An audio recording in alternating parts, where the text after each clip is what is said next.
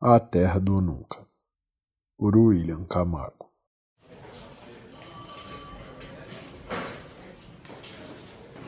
Ô chefe, você viu o depoimento que chegou aqui pra gente? Ainda não. É. bem estranho. Põe pra ouvir. Tá bom.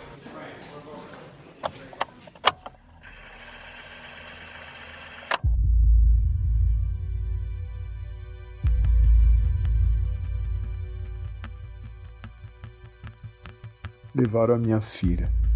Tiraram ela de mim. Mas eu vou encontrar ela nem que seja a última coisa que eu faça.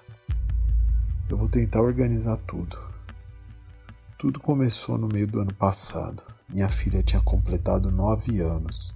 Tudo andava bem, eu e minha mulher trabalhando. A gente estava no emprego novo.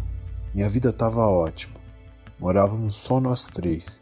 O apartamento era até grande só pra gente. A primeira vez que aconteceu foi um dia da semana qualquer. Eu e minha esposa já tínhamos colocado nossa filha na cama e eu estava começando a pegar no sono, quando eu escutei ela gritando. Como qualquer pai normal, eu corri feito um louco. Fui até o quarto dela. Ela estava enfiada embaixo do cobertor. Pela primeira vez ela disse: Papai, tem alguma coisa no armário. Eu ainda ofegante, abri o armário e mostrei para ela que não tinha nada. Eu disse: Calma, filha, não tem nada aqui. Tá vendo? São só as roupas. Esperei ela pegar no sono e voltei para a cama. Isso se repetiu e começou a ficar cada vez mais frequente. Sempre a mesma história. Ela morria de medo do armário. Sempre gritava no meio da noite e eu sempre corria para ver o armário, enquanto ela nem saía debaixo da coberta. Notei que até durante o dia ela evitava chegar perto do armário. Conversamos na escola, no psicólogo, até a tia benzedeira da, da minha esposa ajudou a gente. Mas não parava por nada. Até que as coisas ficaram estranhas de verdade. Minha filha começou a segurar o sono, só dormia quando realmente não aguentava mais. Isso foi sugando as energias dela. Eu me lembro que ela pegava no sono até enquanto comia. Um dia eu recebi uma ligação da escola. Disseram que ela tinha causado problemas. Isso não era normal, ela sempre foi uma menina muito calma. Quando cheguei, a diretora explicou. Diz que já fazia algumas semanas que minha garotinha estava contando histórias estranhas para outras crianças. E quando eu questionei que histórias estranhas eram essas, a diretora disse que minha filha falava sobre um homem no armário que pedia para ela deixar ele entrar. Não entendi nada na época. Eu e minha esposa decidimos aumentar a frequência do psicólogo e sempre que perguntávamos para ela sobre esse tal homem, ela ficava quieta ou mudava de assunto. Ainda acordava à noite gritando. Em uma dessas ocasiões eu notei que tinha algo estranho demais. Ouvi ela gritar e corri pro quarto de novo. Quando eu cheguei lá, ela estava dormindo. Parei na frente da porta e imaginei que ela tivesse sonhado e talvez gritou, mas que não tivesse acordado. Então voltei pro meu quarto. Minha esposa perguntou se estava tudo bem, eu disse que estava. No dia seguinte, a pobrezinha acordou ardendo em febre. Minha esposa foi trabalhar e eu decidi ficar em casa cuidando dela.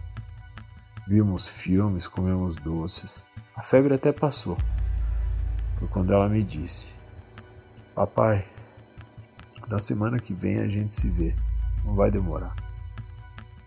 Eu pensei que ela tinha dito que semana que vem a gente ia se divertir de novo, sei lá, comer doce, assistir filme.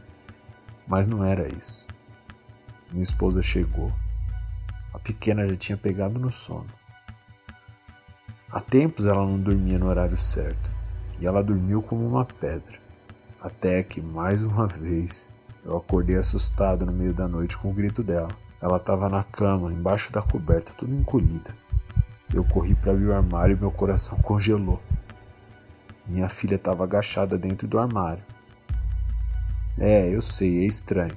Meu coração acelerou e eu me virei para ver o que é que estava na cama já que minha filha estava no armário na minha frente, mas estava completamente coberto.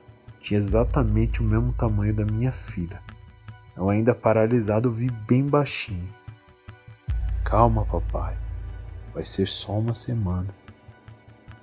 Quando me virei, ela não estava mais dentro do armário. Tinha sumido. Eu, quase sem forças, fui bem devagar até a cama e puxei a coberta. E lá estava, o que quer que seja aquilo. Tenho certeza que não é minha filha. Pode ter o mesmo corpo, mas não é ela, e eu sei que não é. Levaram ela, mas eu vou atrás. Já faz cinco meses e o corpo dela tá vazio. Não anda, não fala, não se mexe. Disseram que é um tipo de trauma estranho. Inventam um monte de coisa. Às vezes, nos meus sonhos mais profundos, eu, sei lá, peço que ela tenha ido para a terra do nunca.